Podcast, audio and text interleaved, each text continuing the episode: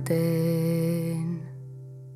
nii, kell sai nüüd äh, kolmveerand kolm ja, ja selle rohelise telgi all, mis tegelikult on äh, tsireli värvi lava, et Tanna hakkas kõnelema nüüd äh, pagulaisist, sisepagulaisist. Pallesi. tere päevast. paneme mikrofoni sisse ka. on ta sees või? Tere päevast, mikrofonid on sisse lülitatud ja me hakkame tõepoolest rääkima sellisel huvitaval teemal nagu pagulus, äraminek ja tagasitulek, pagulus ja sisepagulus, need on sellised väga karmid terminid, et äh, lahkame nad kõigepealt enda jaoks äh, lahti. aga minu nimi on Neeme Raud, ma olen ise ka olnud nii-öelda pagulane Eesti mõttes. ma elasin peaaegu kakskümmend viis aastat Ameerikas, aga tulin viis aastat tagasi Eestisse tagasi. Ja olen seda teemat natuke ka Postimehes arutlenud sel aastal ja me tahame, et ka tänane vestlus saaks osaks sellisest suuremast selleteemalisest arutelust, mis kulmineerub meil suurel Paide arvamusfestivalil. ja minuga koos on siin laval veel kaks inimest, kel palun end kõigepealt tutvustada. Maarja. tervist. esiteks ma, ma ei saa üldse aru, kas mind on kuulda? on. on kuulda?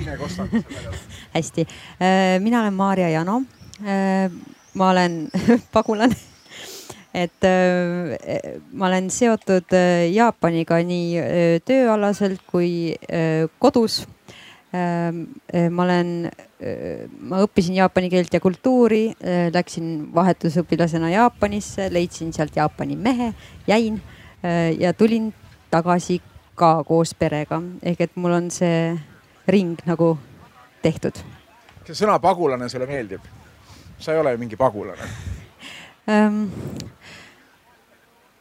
sõna pagulane on saanud sõimusõnaks jah, aga, aga seda enam ma seda julgelt enda peal kasutaksin, et äkki vaikselt tähendus, ütleme, laieneb. sest pagulase mõte on see, et sa oled kuskile pakku läinud. sa ei läinud Jaapanisse pakku. sõjapõgenikud mm., väliseestlased läksid pakku Nõukogude Liidu eest. jah, siis meil on veel, meil on see mõiste, see mugavuspagulane, mis on ka natukene valus et te, mina ei ole mugavuspagulane ka selles mõttes, et Jaapanisse ma läksin ikkagist õppima.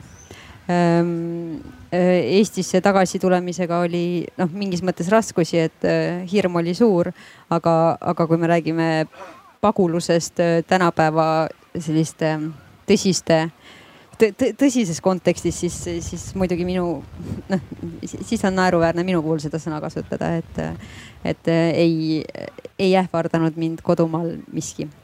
ja siis on meil siin laval veel üks mees, kes räägib täna võro keeles, kuna tegemist on siiski Võrumaal toimuva üritusega, siis õige keel ka kohale. esimene inimene, kes siin arvamusfestivalil, eelarvamusfestivalil siis ka oma keelt kasutab, Jan tere, ma olen Jan Rahman, Võromaa kirjanik ja ma ei tea päris täpselt, mille ma siin nüüd istu, aga kirjanikuna mul on viimase paar kirjanikutüüd tulnud millegipärast, see on sel teemal nagu pagulus. nüüd augustikuun tule siinsamas Maanteemuuseumi näidend, pagulased ja tolle kirjanikutüüga ma olen veidikese nagu mõtelnud just et mida tuu pagulus tähendas ja jõudnud sinna, et, et kõige nagu hullem või no mis ei ole seal sunnitud, on, on tuu inimese hinda sisemine ärpagemine tuust reaalsest elust. et sinnani olen jõudnud, et, et veidikese noid teemasid niimoodi kirjutanud. esimale olnud pagulusen umbes viis aastat Tartun, Opse seal, siis tuli Võrumaale tagasi SA seal midagi asja. Ja Parhila ma ela Kärgula külän, mis on Võrumaa veeren ja meil on sääne imelik küla, kus oma, on kõik rahvas vahetunud seo aoga, kui ma no ma olin esimene, kes jõudse või noh, samal ajal jõudse veel. Ja nüüd on paarkümmend peret seal, kes oma kõik vahtsast tulnud, võite ütelda ka, et pagulase, aga et kes oma pagenud kas liinast või kuskilt sinna maale elama ja arvata siis tolle pärast, et saaks rahulikult olla nii et äh, arvamusi on siin väga huvitavas spektris, alates sellest, kuidas minnakse välismaale, selleni, kuidas minnakse Eestis ühest kohast teise ja tullakse tagasi ja siis üldse põgenetakse reaalsest elust ära. ma ise kirjutan ka tänases Postimehes sellest reaalsest elust äraminekust ja tore on siin vaadata sellel festivalil, et inimesed ei istu siin telefonid käes, mis on see praegune kõige suurem pagulus ehk et inimesed annavad oma aju lihtsalt ära mingisugusesse teise maailma ja elavadki oma elu selles virtuaalreaalsuses telefonis. ja, ja ma kirjutan just täna Postimehes, et võtke kasvõi suveks omaenda aju tagasi, et nautige seda ilusat ilma, et ärge olge seal telefonis nagu pidevalt kohal. aga Tom, Tom nagu, nagu pikem asi või too ei ole nüüd viimase asi, vaid Tom niimoodi, et millegipärast, kui inimesel on kõtt tühi, siis ta ei lähe nagu kalale et saia kala, vaid lätt tüüle, et saia raha, et saia osta äh, siis kalatuist või siis, kui inimesel on külm, siis ta lätt ka tüüle, et saia massa küttearveid, mitte ei lähe mõtsa ja ei lõika endale puid ja ei küta ahju. et too noh, sääne millegipärast inimese oma lännu nagu minu meelest säärsest õigest reast kohegi, õigest reaal-, reaalsusest kohegi kauem pole nii et näete, siin on teemasid palju, me loodame, et ka te ütlete oma sõna siia sekka, meil ei ole mingisuguseid võitjaid ega kaotajaid ega väitlejaid, me lihtsalt tahame arutada sel teemal. aga Maarja, sinu jutust jäi kohe kõlama üks sõna, et sa kartsid Eestisse tagasi tulla. kui ma hakkasin seda tagasitulemise teemat Postimehes arutama, siis tõusis paljudega, kes äh, sõna sekka ütlesid sedasama asi, et me oleme Eestist ära läinud ja tahame siia tagasi tulla, koju tagasi tulla, aga me tegelikult kardame koju tagasi tulla. miks? siin on nüüd hästi-hästi mitu nüanssi. Ehm, ma katsun neid nimetada. E, esimene on kõige-kõige ehm, laiemas plaanis. Ehm, kardame oma inimesi. E, veel laiemas plaanis, ma arvan, kardame muutust ehk et miks noh, et kui sul on mingisugune elu, mis on stabiilne, olgugi välismaal, mis on stabiilne, sa oled sellega enam-vähem, enam-vähem oled rahul. ja siis sa viskad selle kõik ja alustad uuesti siis kodumaal. aga sa oled sinna välismaale läinud, visates kõik kodumaal ja seal ka uuesti juba alustanud ühe korra? ja siis oli ka hirmus et, et aga, aga see, seda nagu kodumaal korrata on samamoodi hirmus pane mikrofon ka suu juurde. miks, miks ikka see küsimus? ma jäin, ma jäin mõtlema, et äh, ja siin on äh, veel üks nüanss on siin, et, et kuidas, äh, kuidas välismaa eestlane tihtipeale kodumaad näeb. ta näeb seda läbi kodumaa meedia. kodumaa, mitte paberil meedia, vaid kodumaa neti kliki-meedia, mis maalib noh mille idee on maalida, noh rääkida mitte ainult, mitte heast peamiselt, vaid peamiselt ikkagi sellest, mis on halvasti. ja, ja siis vaatad neid pealkirju, loed neid artikleid, siis vanasti vähemalt sai kommentaariumis surfatud ja siis, siis kui see on see kuvand, mis tekib kogu Eestist, siis sa mõtled, et.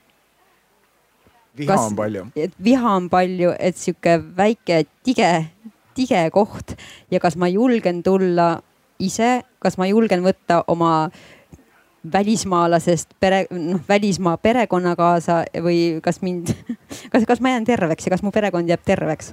aga ma nüüd rõhutan, et see on puhtalt, see on meedia põhjal, et teine asi. sul on ju sugulased, tuttavad, sõbrad just nimelt. Ja, ja ma arvan, see oligi see koht, kust nagu hirmust üle saada.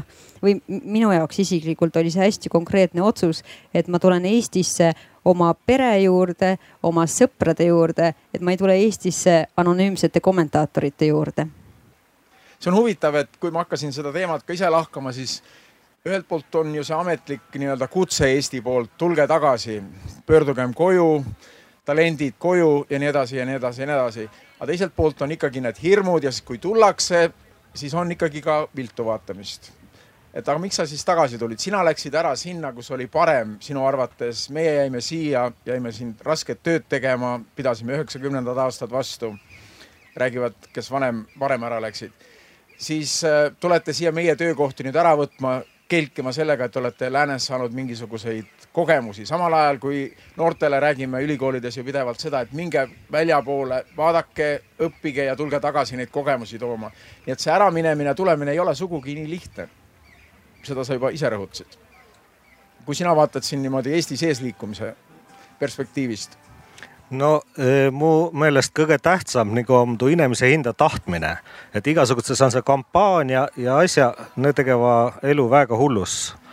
et eh, mi küla, Kärgula küla on siis kohe oma kogunenu inimese tulnud paarikümne viimase aasta jooksul täiesti vahtsa inimese.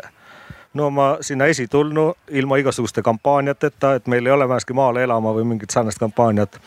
lisas meil ei ole külaseltsi ma olen väga õnnelik tolle pärast, et sellepärast, et kui hakatas tegema sellest organiseeritud seltsielu või midagi, et siis tavaliselt lät-, lättu asi niimoodi hukka. samas öeldakse, et see on just see hing ja sool ju, mis koha peal hoiab kohalik seltsielu. ma arvan, et meie küla hing ja sool on too, et kõik inimese omakis on see sise, on see nagu pagulase väikest viisi, et nad tahtvad omaette olla ja too on neil kõige tähtsam nende inimeste jaoks oma privaatsus, oma olek, et sa ei pea kellegagi suhtlema. ja, ja no inimesed, kes meil oma tulnud, omaki niimoodi, niimoodi pagenu sinna ja, ja tahtva toda ja me saame väga tihti kokku kõik, me ajame üütitselt asja, aga meil ei ole midagi sarnast väga tugevalt organiseeritud. see ongi huvitav, et samal ajal on need sidemed ikkagi tekkinud, te olete ikkagi sotsiaalsed olendid, kes üksinda seal metsas ei ela kõik need tulnud perekonnad, vaid ikkagi tekivad ju kontaktid. ja, ja meil on õnnes seal kõrval üks küla, kus on jällegi e, toosama küla liikumine ja, ja nüüd ka kohvik tekkinud ja me kasutame lihtsalt naaberküla infrastruktuuri tolle jaoks niimoodi targasti Taristut. ära. no ja just, toda kasutame ära, sellepärast et, et ei pea endale õue peale kohvikut tegema Ehm, äh, sarnane paralleel, äh, mitte eestlased välismaal, vaid jaapanlased Eestis. Et, ehm, et on ka tekkinud kogukond ja, ja püüti kuidagi organiseeruda ja, ja siiamaani püütakse. aga tsitaat ühelt anonüümseks jääda soovivalt jaapanlaselt äh, karmil hetkel, et ma sellepärast tulingi ära, et ma ei peaks sihukeste asjadega tegelema. ehk et ehm, ehk et see pagulus linnast maale või siis pagulus nüüd jaapanlaste puhul Jaapanist Eestisse. et, et ähm, võib-olla seda kogukonda ei ole vaja nii tungivalt nagu organiseerida, sest need inimesed tulidki sellepärast ära, et ei, ei peaks üksteisega kokku saama. ja kui noh, Valdur Mikita on kirjutanud päris kõvasti tollest eestlaste tollest olekist, et tahtva introverdi olla ja, ja nagu omaette ja mõtsan marju korjata siis too on ilmselt õige jutt, et, et suur osa või noh, määnegi osa rahvast taht just toda.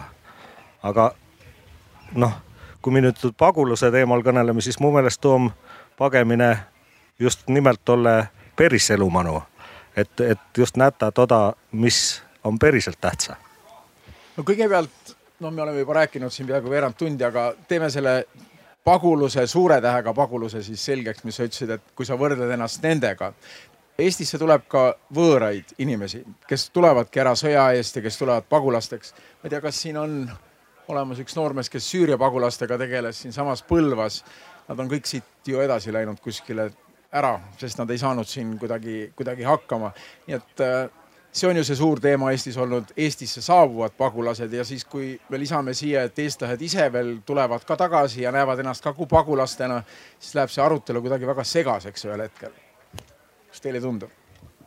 tundub. kus me need piirid tõmbame? No ma arvan, et tuu, tuu pagulaste pelgamise teema või no just no, sõja... see on need, ütleme need võõrad pagulased. ja tuu, tuu sõjapagulaste pelgamise teema, et, et too on nagu veidikese ülespuhutu või kuigi see on poliitiline teema, et teda nagu kasutades või noh, ma ei tea, kas kasutades, aga no too on sääne, mis rahvast väga nagu üles kütt, aga noh, nagu ma arvan, et nüüd on näta, ma kirjuti oma üte, see on see stsenaariumi, meil oli üks Tagamõtsa, üks võrukeelne teleseriaal. et seal oli üks osa ka pagulane, et seal oli see tõetu külarahva hirmest ja kõigist sellest asjust ja tuust, et kus, kus siis mõni kasutas toda ära, et oh nüüd sa raha tiini ja nii edasi, et too on kõik, kõik nagu läbi käinud, aga noh, tegelikult ma arvan, et nüüd on juba paar aastat nagu läinud ja me oleme jõudnud sinna, et ei taha siia külmale maale keskini väga jäia. mis sina sellest teemast arvad? Ehm, ma usun, et poliitilisel tasandil on asi äh, väga keeruline. Äh, inimlikul tasandil, äh, inimlikul empaatia tasandil võiks aru saada, et see, kui sul on väga halb, siis sa proovid seda parandada, sa proovid teha nii, et, et sul oleks parem ja, ja meie kõik liigume niimoodi noh maalt linna tööle või, või, või linnast välismaale tööle. või linnast maale tagasi nagu sinu külas. või linnast maale tagasi ja see kõik on selle nimel nüüd, et, et on mingisugune probleem, mis vajab lahendamist. ja nüüd, kui võimendada noh see korrutada tuhandega, ütleme, et sa tuled sõjakoldest. et siis inimlikul tasandil minu meelest me võiksime kõik sellest aru saada, mida tunneb üks päris, päris pagulane. Aga kui ta on teistmoodi ja teise usuga? see on juba poliitika valdkond, mis on liiga keeruline liiga keeruline, et öelda kahe, kahe lausega, et, et mis on õige. et okei okay,, aga ütleme ikka, kahe lausega, muidugi viisakas, viisakas pagulane peaks proovima. Ühesõnaga peaks selles ühiskonnas, kuhu ta tuleb, selle ühiskonna reeglitega eh, oskama mängida, et võib-olla väike hüpe, et, et, et ise välismaale minnes ma olen, ma olen näinud nagu, no mul enda puhul on ka olnud, ma arvan, et kahte sorti suhtumist, et see esimene suhtumine on see, et, et ma, ma lähen Jaapanisse ja siis ma vaatan, nad teevad seda teistmoodi, nad teevad seda teistmoodi, see on imelik, nad võiks seda teha hoopis niimoodi, meil Eestis tehakse niimoodi, see on palju loogilisem. miks nad on, noh, nad on rumalad või et miks nad ei tee, noh ja nii edasi. aga siis, kui saad enesekesksusest üle, siis järgmine samm on aru saada, et see on Jaapan, nad teevad asju omamoodi ja neil on see õigus, mina olen immigrant, ma olen väljaspoolt, minu asi ei ole öelda, kuidas asjad peaksid olema Jaapanis. et, äh, et ma arvan, et seesama suhtumine võiks äh, olla ka siis sõjapagulasel no ma arvan, et Eestis muudab selle arutelu veel raskemaks ka see teema, et meile saabus siia pärast teist maailmasõda palju võõraid, kes äh, tundsidki, et nad on sellel maal peremehed ja nõudsid, et meie hakkaksime nende moodi käituma, nii et see on tekitanud ka sellist võõra võõrastust ja neist paljud neist võõrastest ei ole ju meie kombeid siiamaani omaks võtnud, nii et siin on neid selliseid eelarvamusi palju, aga selle vestluse võiks ju taga tulla nüüd, kui me räägime otseselt tulekust ja minekust, sellisest füüsilisest, tuuagi selle peale, et, et see on tolerantsus või, mida me vajame rohkem. Et kui tullakse või minnakse ja tagasi tullakse, et siis no suhtume sellesse hästi. Jah ähm,, ma olen nõus, kõik need märksõnad, pagulane ja tolerantsus, need on mingis kontekstis saanud natukene sõimusõnaks või, või noh, sihukeseks halvamaiguliseks väljendiks ja sellest on nii kahju. et aga, aga äh, jah, et, et võiks arvestada, et inimene on inimene ja ja, ja ta tahab parimat eelkõige endale, enda perekonnale, aga, aga noh, tahab ellu jääda et eh, siin oli just ennem jutt, et Põlvast oma kõik no Süüria pagulase ära pagenu. võib-olla tegelikult üks Põlva suurune liin kannatanu üte hää Süüria söögikotusse välja küll.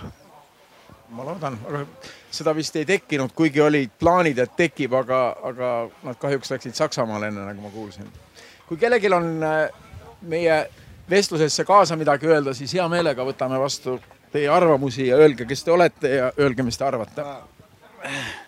mina olen Mihkel Räpina vallast. no kuulan sind, mulle juba öeldi, et ma liiga palju räägin, eks ole.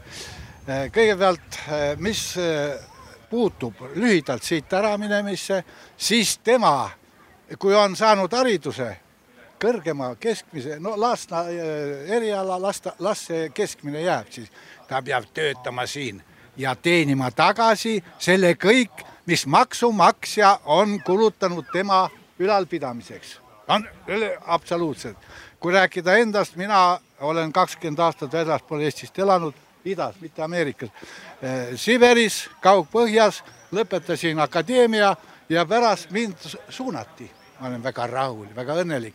no see on niimoodi, ainult niimoodi, nagu oli nõukogude ajal. teiseks, mis veel nende sisse tungijatega, tungijatega neeme ja teised, siis nad on, vaadake, nüüd ei näidata seda enam, eks ole, nüüd ei näidata seda vaadake, Tarzanid jah, Tarzanid mäletame jah, vot niisugused, niisugused Tarzanid tulid siia sisse ja nad ütlesid kohe ära, et meid ei huvita, meid ei huvita mitte midagi, me tahame hästi elada. Nemad ütlesid, mitte mina ja mina ja minu meeskond on puut-, esimene Eestimaal, kes puutus kokku, olles Maardu vangla direktor tuhat üheksasada üheksakümmend neli jaanuar, märts-aprill. mul olid sees esimesed sisseründajad, kes nad olid, me ei tea. Nad ütlesid, me põgesime, noh, selle Iraanist, kes oli Hussein või see ära. muidugi üks nendest rääkis vene keelt natukene, vähemalt see oli hea, kes ta oli ja mina, mitte ühtegi dokumenti, mitte ühtegi dokumenti. mul oli siis üks kamber oli mehi, kuhugi panna ei olnud. kaks kambrit olid naised ja lapsed. meie tahame Rootsi no selge. Rootsi, oot-oot-oot, ei, kohe lõpetan. Nad panid põlema mehed käskisid panna selle kambri põlema, kus olid naised ja lapsed. vot niimoodi ja lõpuks muidugi äh, suured, äh, ma tahaks, ei soovitaks kellelgi teist olla seal. ma olin ise kohal, võib-olla õnneks. no vot niimoodi, niimoodi on nende äh, sisserännud, ahah, veel korra, me panime filtri, mitmed miljonid läks see filter maksta, saad aru, millest filter on? See läks mitte midagi, nad tulevad siia, tapavad ja põletavad ja panevad. aitäh teile, hääl rahva seast, aitäh, aitäh, aitäh.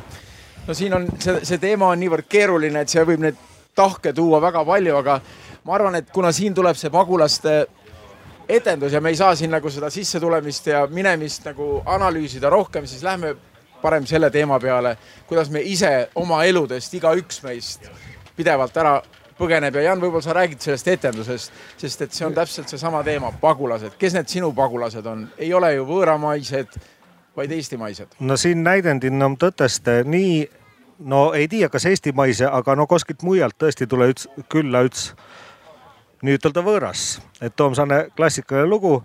Ja tegelikult ta leidis sealt terve külatäie rahvast, kes oma pagenu hinda mingitesse teistesse asjusse kogu aeg mujale, oma kas telefonin või, või tegelase mänsegi riigilt millegi väljapetmisega, noh, igaüks omaette on, on määnegi sääne, sääne kuju, kes tegelikult tollest reaalsest elust on kauele läinud. ja siis tegelikult no, tolle nii-ütelda pagulase abiga nad lõpus saavad tust aru, aga võib-olla tolle pagulaste tüki lavastaja Kristo Toots, et võib-olla mõist midagi tarka ütelda. ta on teda lugenud ka, ma olen ainult kirjutanud. kas ainult võro keeles? Risto tere, minu nimi on Kristo Toots, jah. Jan on selle näidendi kirjutanud ja see on võrukeelne, kuigi jah, üks tegelane ei räägi võru keelt, aga, aga minul nagu põhiline küsimus selles nagu tekib nagu see, et mis on võib-olla selle äraminemise nagu taga või mis on see põhjus? ehk siis, et mitte on võimalus, võimalus ka minna füüsiliselt ära. kas see on põgenemine millegi eest või millegi järele, igatsus mingi õnneotsingu järele või, või, või mis asi see on, et mis paneb nagu siis nagu liikuma või ära minema, on see siis noh, jah, siin on nagu laiem, võib see no,. Kellel... palju, palju inimesi on rahulolematu, lihtsalt rahulolematu ja nad tegelikult seda põhjust väga hästi ei tea, et millega siis oldas rahulolematu tuu on muidugi seesama meedia, millest ennem kõneleme, et, et tuu või, või siis no klantspildi ja tuu. no ei ole rahulik, et oled liiga paks, liiga loll ja nii edasi, et, tuu. ja tuu kõik aeg nagu tekitatas või noh, ma ei tea, kas tekitatas, aga inimese uskuvad oda, mis nad lugeva ja siis tekkis selline rahulolematust ja na tegelikult esi ei tiiagi, et kas nad pakesse, mille eest ta siis pake. et nad on nagu kogu aeg teel siis või, või, või, või midagi otsivad siis ühesõnaga ikkagi, kas iseennast siis või? esihinnast õks jah, keda siis veel et mingi nagu mõte peaks olema, eks ju, või mille, mille suunas liikuda, kui see läheb nagu hägustub, et siis ta tükib nagu kõik min minema laiali või, või valguma kuidagi. oota, kas sa nüüd küsid äh, lavastusprotsessist no,? ei, ma küsin sinu käest. ega mina olen kirjanik, sa oled lavastaja, sa pead äh, no mõtte välja otsima, mul ma... on tekst lihtsalt. jah, aga mul, minu, mul endal tekkis selline mõte lihtsalt sellega seoses, et, et, äh, et vaata igas äh,, igas tulekus, noh, öeldakse, on minekut et ehk me eeldame, kui keegi tuleb, et see, seal on nagunii on ka mingisugune minek. et ähm, kas isa tuleb koju ja ma tean, et ta läheb tööle või, aga kas niipidi ka on võimalik mõelda, et igas minekus on tulekut? vist ei ole aga kas võiks olla? No natukene, et, et kui keegi läheb, et selles, selles minekus, noh, ütleme, kui siin me räägime, et on minek siit Eestimaalt ära, keegi läheb kuhugi, kas siis õppima või et, et, et selles minekus me võikski eeldada ikka rohkem mõelda, et, et selles on tulek või noh, et seal oleks nagu lootus ka andev. No vot, sul jutt on tuleva ainult vahtse küsimuse ja ühtegi vastust ei tule, et see, seesama laul, mis meil siin on, see tunnuslaul, seal Aapo Ilvese sõna oma ta küsis, et kas, kas nõrgema oma nuuke särleva või omana just tugeva. ja noh, nii ongi, et ega me, me ei mõista niimoodi ütelda täpselt, et, et mis siis on. mida te arvate, kes te meid kuulate, kui palju me oleme oma reaalses elus niimoodi kohal ja kui palju me põgeneme oma eludest igal erineval viisil, kaasa arvatud siis telefoni ja mujale? või ongi meie elu praeguses ühiskonnas, kus neid teid ja uksi on niivõrd palju ja niivõrd lihtne on ära minna ka oma nii-öelda tavalise, tavaliste mõtete juurest, et, et me kõik olemegi minemas kuskile, et me ei olegi kohal enam üldse ega, ega too võib-olla ei olegi äraminek, kui sa lähed ka oma telefoni, too on lihtsalt su, su elu, aga, aga too on nagu veidikene teistmoodi. nüüd, et, et too on nüüd too elu, kus sa ei tunne nii-ütelda tõseinemise puudutust reaalselt, et sa küll nagu kõneled ja sul on oma sõbra ja aga, aga sa ei saa, sa ei ole temaga ütlen ruumil tegelikult. mulle tundub ka oma, oma nagu elust peegeldades, et, et igasugune telefon ja arvuti, et mida raskem mul on olnud elus, seda rohkem ma sinna põgenenud olen et ja, ja väga teadlikult, et ei peaks mõtlema et äh, lasen mingil asjal nagu silme ees virvendada. et, ähm, et inimesed, kas siis rohkem teadlikult või vähem teadlikult, ma arvan, et äh, telefone ja äh, internetti ja, ja, ja telekat sellel viisil kasutavad et üks asi, mis mine, ka minekus, kas on tulekut, võib-olla tulles tagasi selle Äh, jälle välismaa ja Eesti juurde, et muidugi noh, ma tõin siin, et meedia ja hirmus ja nii edasi, aga on muidugi väga palju eestlasi, kes lähevad välismaale ja kellest ärkab tohutu kodumaa armastus selle peale. et, et, et mingis nagu vaimses mõttes äh, nad, nad seovad ennast, nad on palju suuremad patrioodid, kui nad oleksid kodumaal. et, et ja, ja võiks argumenteerida, et kodumaa jaoks on see ju võit mitte kaotus.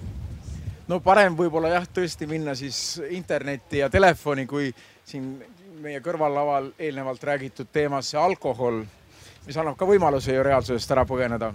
noh, kõigepealt Lätti põgeneda ja siis tagasi Lätist siia tulla, nii et neid põgenemisi arutatakse siin erinevatel lavadel pidevalt, noh täpselt sama oli see äh, reformiteemaline, maakonna reformiteemaline arutelu, et, et kus siis on äh, kihelkonnad ja kus, mis kogukonnaga inimene ennast identifitseerib, et, et kui, kui sa ei ela mu kõrval tänavas, siis sa oled juba võõras ja no. no vaata tolle igasuguse Läti teema ja mis siin on, et, et on, meedia on väga kõvasti võimendanud seda, sest on huvitav ja tegelikult aastakümneid, ütleme nii, et kui Võrumaalt või siitkandist mõni uudis lähed üleriigiliselt, noh, nüüd on parem, nüüd Mirjam tegi üks äh, uudiseid ka, aga varem oli nii, et, et, et uudis oli inimeste krimiuudisse või see. ja siis nagu noh, mitukümmend aastat säärast asja, siis sellest piirkonnast nagu jäigi saane mulje ja tähendab, et sa selle Läti, Läti asja nii välja, et on, et omagi siin joodiku on. aga tegelikult no joodiku suurelt jaolt kuuliva välja kahe tuhandenda aastate alguses. nii et noh, otse, sõna otseses mõttes nagu kuuliva välja. et on muidugi olnud poodimann ja on ka praegu, aga, aga kõvasti vähem kui kõneldas, aga et kuna no oma huvitava, kui ei tule mõnegi uudistesaade siia, et huvitavat pilti, siis otsitakse poodimant. ja, aga tegelikult noh, too asi ei ole nüüd nii, nii hull, ma usun ja, ja nagu ma arvan, et meie küla noh, ma kunagi teigi statistikat, et palju meil on seal rahvast, mis nad tegeva. no me, meie küla põhitegevus on too, et kasvatada slatsi. et meil on seal Osula kool lähedal ja meie külast käib sinna umbes kümme last, noh, mis on nagu Osula kooli katsakümne lapse ka noh, terve toll, terve vallakool vanasti. et meie külast nagu iga katsas käib sinna kooli vot ja joodi ja siis, kui ma teidus statistikat, et kes meil elas, siis ma joodikus li, nagu pan see üte, et noh, et mingist kahekümnest üts. et too on umbes tegelik sääne statistika. no vot, lapsed on teine teema muidugi, mis seda äratulekut ja minekut äh, väga iseloomustab ja see on jälle Eesti riigi poliitikaga ju seotud, meil on inimesi vaja. sina tulidki tagasi Eestisse Jaapanist koos oma jaapanlasest mehe ja nüüd väikese lapsega. temast saab siis eestlane Äh, jaapani keeles öeldakse pool, pool jaapanlaste, pool välismaalaste kohta haafu, mis on tegelikult ingliskeelsest sõnast half, pool. Ja siis on, siis on terve uus kampaania, noh, ma ei tea, kui suur see nüüd on, aga räägitakse, et see ei peaks olema mitte haafu ehk pool, vaid taburu ehk double. ehk et ma loodan, et minu laps on sada protsenti eestlane ja sada protsenti jaapanlane aga, aga muidugi too märkus, et, et palju on seotud nagu lastega, aga näiteks maale tulekut on täiesti õige.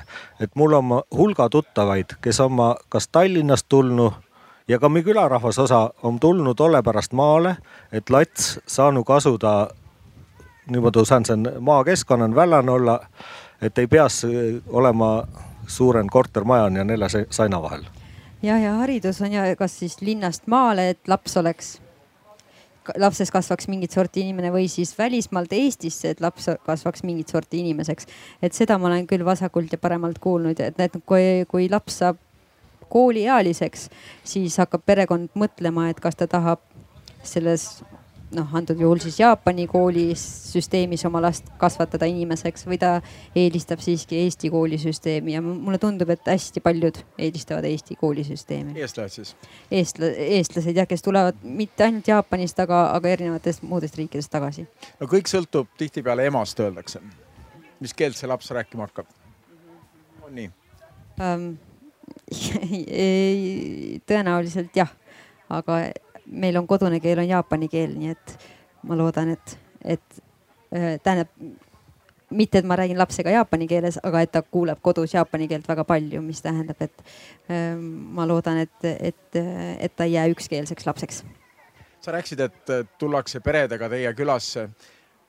kas see on Eestis erand, et selline küla on tekkinud, kus on kõik tulnud kuskilt väljast, et oma lastele anda sellist looduslähedast üleskasvamise võimalust või on, või on siiski seda liikumist ka mujal märgata üle Eesti, kui me siin eelnevas arutelus jäi kõlama just, et Eesti jookseb, maa jookseb tühjaks, siis sa räägid just nagu teistpidi liikumisest. et on ka mujal märgata selliseid asju, et oma no ikka näituses Setumaal on nüüd üks küla, Netsaja küla, mis on kuulsaks saanud Netsaja küla bändiga viimasel ajal. aga sinna on ka tekkinud hulga noori siis on Karula kandin on jällegi noortekogukond, Sännan on ja, ja niimoodi tekkis Noidõks nii et me ei saa rääkida sellest, et liikumine on ühesuunaline ainult, et Eesti.... no ega igale liikumisele on vastaliikumine, sääne, aga noh, ma usun, et, et see, need on hästi teadliku, kes on ma nüüd maale tulnud liinast, et no ma toon teadlik valik, et võib-olla liina minek on rohkem sääne majanduslik või, või sääne valik, et noh, et lähedki kooli ära ja, ja siis saad seal töökotusse. Aga nüüd just, just teadlik ja, ja ikkagi jah, sama laste kasvatamine, et tahetas lastes kasvatada sellest luuduseseen kasunu inemist jälle ma nõustuksin, et seesama mõte kehtib ka nagu Eesti versus välismaa, et, et, et välismaale minnakse kas majanduspõhjustel või, või lihtsalt on põnev või ühesõnaga minnakse mitte niivõrd teadlikult. samas kui tagasitulemine nõuab nagu tõsist mõttetööd, tõsist ettevalmistust ähm, ja, ja, ja see on palju sihukesem, võib-olla sügavam otsus kui äraminemine tihtipeale. tegelikult me ikkagi, ma arvan, et me ikkagi, kes me oleme välismaale läinud, tegelikult me kõik tahame tagasi tulla. ma tean, et Inglismaal on terve kogukond noori naisi, kes on abiellunud araabia meestega ja nad ei julge tulla tagasi et nad ei ole läbi löönud, neil on lapsed teistver, nad kardavad Eestisse tagasi tulla, aga nad unistavad sellest, mis on jälle omamoodi selline perversne olukord, et no tulge siis, nad kardavad, et neid ei võeta siin jälle omaks, nii et, et neid olukordi, erinevaid olukordi, minekut, tulekut on väga palju erinevaid värgindaid. ega selle omasvõtmine ei lähe kipeste ja too ei ole lihtsa asi, küla peal ka, et kui tuleb vastane inimene, läheb paar aastat. isegi teil. ja isegi meil, läheb ikkagi paar aastat, enne kui noh, olenes muidugi inimesest ka, aga, aga, aga lätki niimoodi haigu ja siis eh, tassakaiste ega siis midagi. et too haig pannud paika, et ma usun, et no sama naisterahvas sealt Inglismaalt võinu rahulikult tulla siia, aga nad peavad rehkendama tuuga, et neil on paar aastat sarnast tööd, kus ei ole tõesti kõige mugavam mm -hmm. nagu olla. no New Yorgis öeldakse, et viis aastat pidi elama koha peal, et sinust saaks New Yorklane. kui palju teie külas see on? no pakus kats on kellelgi mingisuguseid arvamusi öelda? aga ma tahaks ikka selle etenduse juurde tagasi tulla, see teema ja see pealkiri Pagulased on nii, nii suur, et sa rääkisid natuke, et äraminemised, räägi natuke lähemalt, kes seal siis laval on teil? siinsamas kohas, kolmandal augustil. Kristo, kõnele sa, kes lava peal oma? lava peal on äh, üks selline seltskond, seltskond siis, kes nii-öelda ootavad pagulasi. aga sa mõtlesid neime nagu näitlejatest või? ei, ma mõtlen lihtsalt tegelastest. tegelastest jah. võid näitlejad ka ette lugeda muidugi. et aga eh, selline seltskond, kes ootab jah, ootavad pagulast ja siis sellega seoses lihtsalt tulevad teatud rahad peale. ehk siis see käib ümber raha. aga tuleb üks võõras nii-öelda, kes sootuks ei ole tegelikult siis nii-öelda see pagulane, keda siis pagulast suure tähega me siis nagu mõtleme, vaid et tuleb siis inimene, mees, kes siis on kes siis ütleme, et otsibki siis seda oma mõtet taga või kus ta omadega on või kes ta on.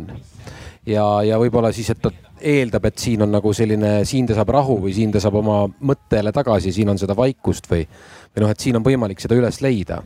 et suures virvarris noh, läheb kaotsi see kõik. ja siis nad võtavad ta vastu, vastu ja loomulikult viskavad ka välja kohe, mis on äh, analoogne siis situatsioon, et New Yorgis siis viis aastat, siin kaks aastat ja siis selles näidendis suhteliselt ruttu viskata välja ta ei sobi siia. võõras. võõras jah, et, et teda ei võeta nagu omaks ja teda hakatakse süüdistama äh, seal teatud tegudes ja nii edasi, nii edasi. et, ähm, et see on nagu tegelikult väga raske küsimus ka üleüldse minu jaoks ka, et, et kuidas nagu noh, Hiiumaal noh, ei võeta ju see on väga pikk protsess või Saaremaal. Priit Künnapas, ma mäletan, kunagi rääkis, et äh, ta kolis Saaremaale Sõrve säärde, et teda lihtsalt põhimõtteliselt ei õpetatud, kuidas lestakala teha. kohalikud lihtsalt ei õpetanud.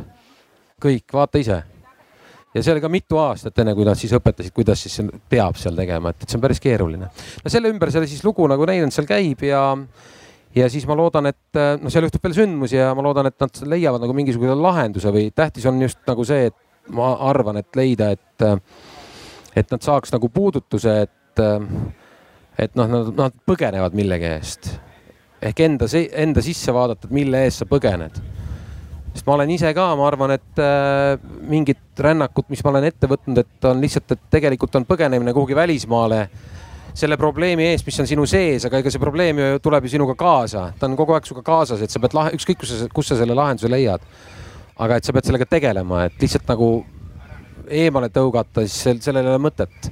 sa pead ta lahti mõtestama, ma ei tea no kitar. sa otsustasid selle näitemängu kirjutada üldse? ma otsu-, otsustasin selle näitemängu paar aastat tagasi kirjutada, sest eh, Kristo tuli sealse mõttega kõigepealt. ja, aga ma ei lähe tema mõttega ütlen, vaid, vaid ma naksi, naksi siis noh, et kuna selle pealkirja pakkus välja Kristo, siis ma naksi, naksi siis mõtlema, et kuistu, kuistu siis saa olla ja, ja minu just huvit tuu, tuu sama inimeste hinda sisse pagemine. Seal kõige, kõige rohkem, et et minna tuu, tuu pagu-, noh, tuu raha ja pagulasteema toob lihtsalt seal sääne, sääne näide, et, et, et kuis, millest tänapäeval palju kõneldas, aga just tuu hinda, hinda seen ja hindaga sõber või noh, hindaga läbisaamine, et, et too on tuu kohena tegelikult, kust ta oli nagu hindast väga kaugele läinud ja kohena peas selle näidendi lõpus jõudma no hirm oli ka siin väga hea minu meelest selline argument või noh, et, et inimestel on hirm. et noh, kui ma tõesti no, lähen. see on ta väga normaalne emotsioon ju. ja, ja aga seda peab ka, ma arvan, et seda peab julgema ka teadvustada või noh, et, et, et millest see tuleb, et, et muidu sealt siis, siis lahendusi ei tekigi. et lihtsalt hirmu eest põgeneda ja loomulikult need küsimused on suured, et, et kuidas mind siin siis vastu võetakse, no Janil läks kaks aastat, kartis mind, et ennem kui hakkas kirjutama. ja, jah, ja kas sa veel reklaamid seda näitemängu või tegelikult äkki ei kõnele sellest rohkem, vaid kutsus kõiki lihtsalt toda kaema, et kolmas august on esietendus. aga kui ma võin korras juhtimist üle võtta, et siis seal takan istus Lenno, üks krabimiis. äkki sa annad Kristo talle mikrofoni, et temal on nüüd too kogemus jõuda ühte krabi külla paar aastat tagasi ja seal hakata tegutsema, äkki sa kõneled kuis, kuis sa sinna jõudsid ja kuis, mistust on tähendades saanud? oma tulemisest. no selle pagulase teema kuidagi Jaaku natukene lähemalt. et ma, ma küll ei ole pagulane. ma olen eestlane ja, ja kas ma elan Tallinnas või Krabil, ma, ma suurt vahet ei näe aga too just too hinnem, et mis ma ütlen, et Kärgul on võetas kate, katteaastaga omas, kus sul on too omasvõtmine olnud? jah, see, see puudutab mind küll jah, et, et äh, ma, ma lähtun äh, sellest, et ma pean ise tahtma midagi, mul peab olema motivatsioon. et mina läksin sinna elama mitte metsa sisse ja üksinda kellegi eest pakku, vaid ma läksin elama sama elu, mida ma Tallinnas elan. lihtsalt selle vahega, et loodus on ilusam, õhk on puhtam, autosid on vähem võib-olla ja, ja ja kõik muud head, mida ma seal nägin. aga tööjärg? tööjärg ei olnud nagu noh. said interneti kaudu teha midagi eemalt? ja seda küll jah, see kõik oli. see on nagu oli... uue aja nagu pluss, mis on nüüd? jah, kui internetti puutuda, siis oli äh, Krabile just äh, tehti paar aastat enne minu tulekut oli uus mast ja niimoodi, et mul oli seal parem mobiilinternet kui Tallinna kesklinnas tihtipeale aga mm, selle, selle vastuvõtu koha pealt ma pean ütlema, et see on hästi palju küsitud, kuna ma olen ikkagi natuke teistmoodi, et ma lähen lihtsalt maale elama ja linnast. et motivatsioon peab olema, kui ma tahan midagi, siis ma, siis ma tegelen sellega. kui mul on vaja suhelda inimestega, ma suhtlen inimestega, siis ma lähen juurde ja räägin nendega. et ma ei oota, et äkki keegi tuleb ja siis võtab jutu üles. mul on iseenesest minu, minu lugu on see, et ma, ma pean kõrtsi seal oma külas ja, ja külapoodi. et hästi pehme ja hästi efektiivne integratsiooniprojekt on see minu jaoks. et rahvas igal juhul peab nagu minu juurde tulema no aga sul on sealt eh, ka, eh, umbes kahtesada kilomeetrit kaugel on Korneti puud Lätin. tõsi jah, see on, sa vihjad nüüd sellele alko teemale või? ma vihjan tollele, et kui sa ellu jääd. sõna kõrts ja pood, siin räägite, et maapood surevad välja, kui alkohol ära võtta. no see ei ole nagu põhipõhjus, aga mingi osa sellest on küll jah, et see alkohol on lihtsalt nii suhteliselt kallis toitaine või, või see on mõnuaine ja, ja ta osa käibest lihtsalt on see. aga see, ma, ma nagu se, se, selle peale rõhuks, vaid äraelamine äh, on äh, Tallinn ja Krabi Tallinnas kõrged palgad ja, ja kõrged kulud, krabil madalad palgad ja madalad kulud. ehk siis ellujäämine on täiesti noh, elementaarne, ei ole, ei ole isegi juttu, et, et seal nagu ellu ei jääks. lihtsalt äh, teenid vähem, kulutad ka vähem. aga kui palju sa sellist liikumist näed, samalaadset nagu sina Tallinnast või Tartust kuskile kravi külla? ega väga palju ei näe, aga ma kuulen, et äh, sihuke ihalus on ja, ja ma, ma näen, ma näen enda arust vahet, et kas keegi räägib seda moe pärast, et küll tahaks minna või, või, või siiralt ka ma, ma tunnen vahel, et inimesed tõesti tahavad minna, aga nad ei, nad ei suuda otsustada ja nad noh, siin käis ka enne läbi see hirm on ju, hirmu teema et mis seal, mis seal kõik on? et ma olen just külast ka kuulnud, et on väga palju noid, kes töötas Soomen ja nüüd hakkas vaikselt tagasi tulema külla, on ka nii või? on, on ja. sina selle pärast muret ei tunne, et Eestimaa jookseb, maa Eesti jookseb tühjaks? kas see mure on õigustatud või tore on kuulda, et on positiivseid näiteid ja teistsugust liikumist ju ka, et me, see üldloosung meedias on ikkagi see, et jookseb tühjaks joob tühjaks? ma ei ole, ma ei pea ennast nii, nii, nii suureks mõtlejaks ja mõtlen nagu üle Eesti probleemide peale. sa lihtsalt ma... jälgid oma ringkondi. ma arvan, et ei jookse jah, et äh, on äh, liikumine ja sellel on ka vastuliikumine siin nagu enne jutuks oli, et äh, ja, ja pigem seal on see kvaliteedi vahetus, et, noored inimesed peavadki minu arust minema, kogemusi omandama maailma nägema ja, ja kui siin jutuks oli, et nad lähevad, kerge on ära minna, sellepärast et see on ju kõiksus. Kui sa oma külast välja lähed, see on nii palju erinevat informatsiooni, et ükstapuha, millise kommi peale sa lähed, sa jõuad juba oma külast välja. aga pärast sinnasamasse külla või samasse piirkonda tagasi tulla on, on juba sellepärast keeruline, et, et sa pead mõtlema, mida sa seal tegema hakkad, onju kusjuures see on põhiküsimus, mida ma kuulen oma sõpradelt, kes ei ole tagasi tulnud. aga mida ma seal teen, et aga mida ma Eestis teen? no ma, ma ütleks, et äh, see ei peaks olema põhiküsimus, selles mõttes, et äh, see, see hästi tihti seostatakse lihtsalt elu tööga ja raha teenimisega. tegelikult mina tõmbaks need lahku. mitte elu ei seostata elamisega. just, et sa pead elama, on ju, see, kuidas sa teenistuse saad või, või kuidas sa äh, leiva saad või, või, või noh, toidu ja riided, et see on kuidagi üks osa elust, ta ei ole küll eluväline asi, aga, aga ta on, ta peab olema eraldi kuidagi mõeldav. nii, veel siin arvamusi? Tere, olen Krista Moostest, kuuendat aastat uus moostekas Äh, ma räägin oma kogemusest. Äh, mina olen liikunud äh, vähemalt kolm korda pagulasena, ei. ühe korra ka Viljandist Pärnumaale, Pärnumaalt Islandi saarele ja siis pikalt seal olnuna tagasi Eestisse ja Moostesse.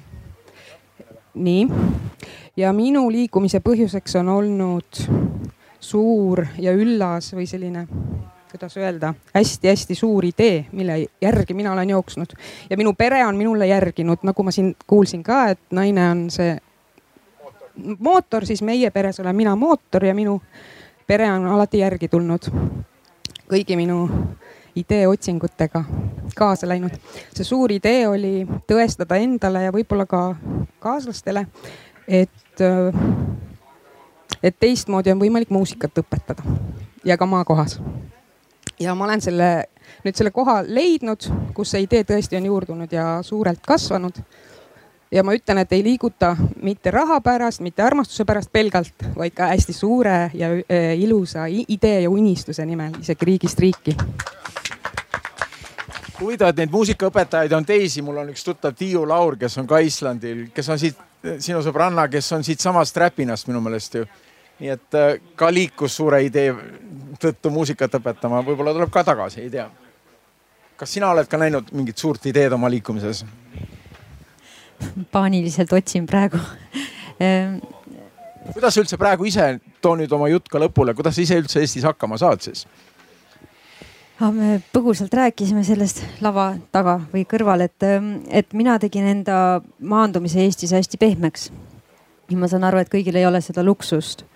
aga, aga ma mõtlesin, ma, ma olin nagu kõrvalt näinud, et noh, et inimesed tulevad suure hooga Eestisse, et noh, see, see fantastiline patriotism, mis välismaal tekib, on ju selle hooga. tuled Eestisse, lähed see sinna. tekib eriti suvel, kui tullakse suvepuhkuseks Eestisse, et jumal, siin on ju paradiis tagasi. täpselt, mina käisin ka, ma käisin ainult suviti Eestis, vaatan sõbrad, noh pidupeo järel, kõik elavad fantastilistes kohtades, tegelevad fantastiliste asjadega. mina olen selline peaaegu noh, selline äh, Jaapani kodupere naisestunud ähm, sihuke äärelinna äh, sihuke noh, et äh, jaapanlaseks ei kõlba, aga, aga välismaalane ei taha olla, no umbes sellel, selles situatsioonis. ja siis tulin Eestisse, aga, aga, aga mis me tegime ma arvan, et me ei teinud seda viga, et me võtame kohe ette tõsise töö äh, umbes veerandi palga eest, mida välismaal saaks, vaid, äh, vaid me, mul mees läks Eestis ülikooli, mis on selline keskkond, kus on ideid ja, ja põnevaid inimesi ja kus oli võib-olla see kohanemine uue maaga natukene lihtsam. ja mina siis ka hakkasin ennast otsima äh, ja ja, ja läks natukene aega, aga nüüd, nüüd ma tegelen siis sellise ikkagist Jaapaniga on mu töö seotud, et, et ma jaapanlasi mida iganes nad siin Eestis teha tahavad, et, et mina neid siin nendes asjades toetan, et äh, ja, ja, ja ma ja ja ma olen hästi-hästi kindlalt, ma olen neli aastat Eestis olnud ja siiamaani ma hästi kindlalt hoian peas roosasid prille. ehk et ma ei ma, ma ei ole selle üle uhke, et ma ei loe Eesti meediat, ma ei ole selle üle uhke, minu meelest inimene, kodanik võiks olla kursis poliitikaga ja ta võiks olla aktiivne, aga lihtsalt enese nii-öelda kaitse mõttes ma ei tegele sellega. mul on minu perekond, mul on minu sõbrad ja, ja see on see on see nii-öelda minu, minu Eesti kogemus, millest ma nagu kinni hoian jah, ajakirjanikuna paneb see mind mõtlema. ma väga vabandan. hirmuäratavaks muutunud. aga Neeme, tegelikult sa ei ole oma lugu kõnelnud no mina tulin tagasi seepärast, et ma lihtsalt tundsin pärast kahtekümmend aastat New Yorgi kesklinnas, et ma enam ei taha seda elu elada. ja see oli mu esimene suur ärapõgenemine oma eelmisest elust ja siis teine oli eelmisel aastal, kui see ERR-i aeg sai ka täis ja uudiste tegemise aeg sai ka täis ja nüüd ma tulen nagu ringiga tagasi, et teen oma Postimehe artikleid ja saan ka varsti raadios jälle rääkida, nii et, nii et mina tulin väga teadlikult tagasi. et ma tahtsin elada Eestis, tahtsin tagasi tulla. aga just tuu, et kui haig saa täis, mis tuu siis tähendas, et? see tähendab seda, et tuleb üks väga julge otsus teha ja lihtsalt võtta see uus elu ette ja teha see hüpe pea ees vette, kui vaja on et, et selleks on vaja julgust ja selleks on vaja muidugi eelnevalt koguda seda julgust pikalt ja mõelda, kas ma saan hakkama ja kas ma ei saa ja vaielda oma peas. aga siis tuleb see hüpe teha lõpuks. ja too on siis sisemine sund sääne? see on sisemine sund ja tegelikult see on päris hirmus, aga, aga sealt tuleb väga, need uued peatükid on alati väga ilusad ja kenad olnud, kui, kui sa selle hüppe julged ära teha nii et ma ei, ja vot siin ongi see teine teema, et ma nagu kunagi ennast ka pagulaseks ei pidanud, ma ikkagi ajasin seda Eesti asja seal kogu aeg ka mingil määral. Minu meelest see paguluse teema hakkab võib-olla sellest, kui keel kaob ära, sest no ma nägin ise Ameerikas nii paljusid noori, kes tulid, olid kolm kuud seal ja nad ei suutnud enam eesti keelt rääkida korralikult, aga noh, kui neile peale hüpata, siis nad suutsid kohe korralikult hakata jälle rääkima, sest noh, see oli see nii-öelda sulandumine, et ma olen nüüd välismaalane, eks ole. Jaapani spetsiifiliselt ma märkasin, et seal on ka, seal on kahte sorti välismaalasi, ühed, kes on igivälismaalased. aga teised on need, kes proovivad olla jaapanlased ja see on nii, tähendab mina, minu otsus oli jääda välismaalaseks, aga et seda on hästi hirmuäratav vaadata just Jaapani kontekstis, mis on väga noh, ühesõnaga Jaapanis üheksakümmend üheksa koma, ma ei tea, kaheksa protsenti vist on jaapanlased. ehk et ja jaapanlastel on jaapanlase välimus ja siis tuleb üks näiteks minu välimusega inimene ta räägib perfektset jaapani keelt, tema maneerid on kõik ehedalt jaapanlaslikud, ta teeb jaapanlase nalja, tal on jaapanlase näoilmed, aga aga, aga see inimene ise on nagu täiesti kaduma läinud. et, et siis noh, üks asi, mis mind nagu tõukaski Eestisse tagasi tulema, oligi see, ma proovisin vaadata, et mis minu saatus siis Jaapanis oleks, et kas ma mängin seda välismaalase rolli, mis on ka terve, terve roll. et äh, sa saad välismaalase töö, su inglise keel peab olema väga hea, parem oleks, et sa oleks ameeriklane, eestlane, noh, ma ei tea, mis see on äh, või, või siis teine asi, et sa, sa mängidki täiesti jaapanlast, aga see, see on liiga karmide reeglitega mäng, see jaapanlase mäng ja mina ei olnud sellega nõus. jah, nii et minust ei saanud ka ameeriklast pikkade aastatega, aga huvitav oli see, et mul oli veel üks põgus kogemus siin lähedal oleva idanaabririigiga, sinna oli hoopis raskem sisse sulanduda ja aru saada, mis seal üldse toimub. Veel no ütleme kolm aastat tagasi, kui ma elasin seal kaks aastat, siis me ei saanud nagu alguses üldse aru. kunagi, kui ma käisin koolis Venemaal Moskvas, siis me olime ikkagi veel osa sellest riigist, nüüd me oleme nagu välismaalased, keda ühelt poolt armastatakse kui eestlasi, aga teiselt poolt oleme NATO liikmed ja vaenlased, nii et seal oli mul see identiteedi küsimus hoopis keerulisem aga meie aeg hakkab varsti täis saama, teeme väikese pausi enne järgmist arutelu ka, sest ikkagi on suvi ja pärastlõuna, et inimesed saaksid natuke ka hinge tõmmata vahet, vahepeal, kui need vestlused toimuvad. meenutame veel kord teie näidendi kuupäevi, et, et siis pagulusteemadel räägitakse siinsamas kohas edasi augustis. kolmas august ja nii edasi. okei okay,, nii et kohtume siis siin, kolmandal oleme kohal, aitäh.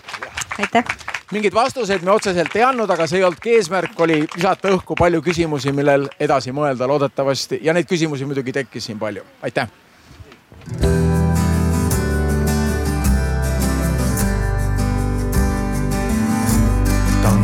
Tanguradi kott silmaele ja külma ta kõrda vilti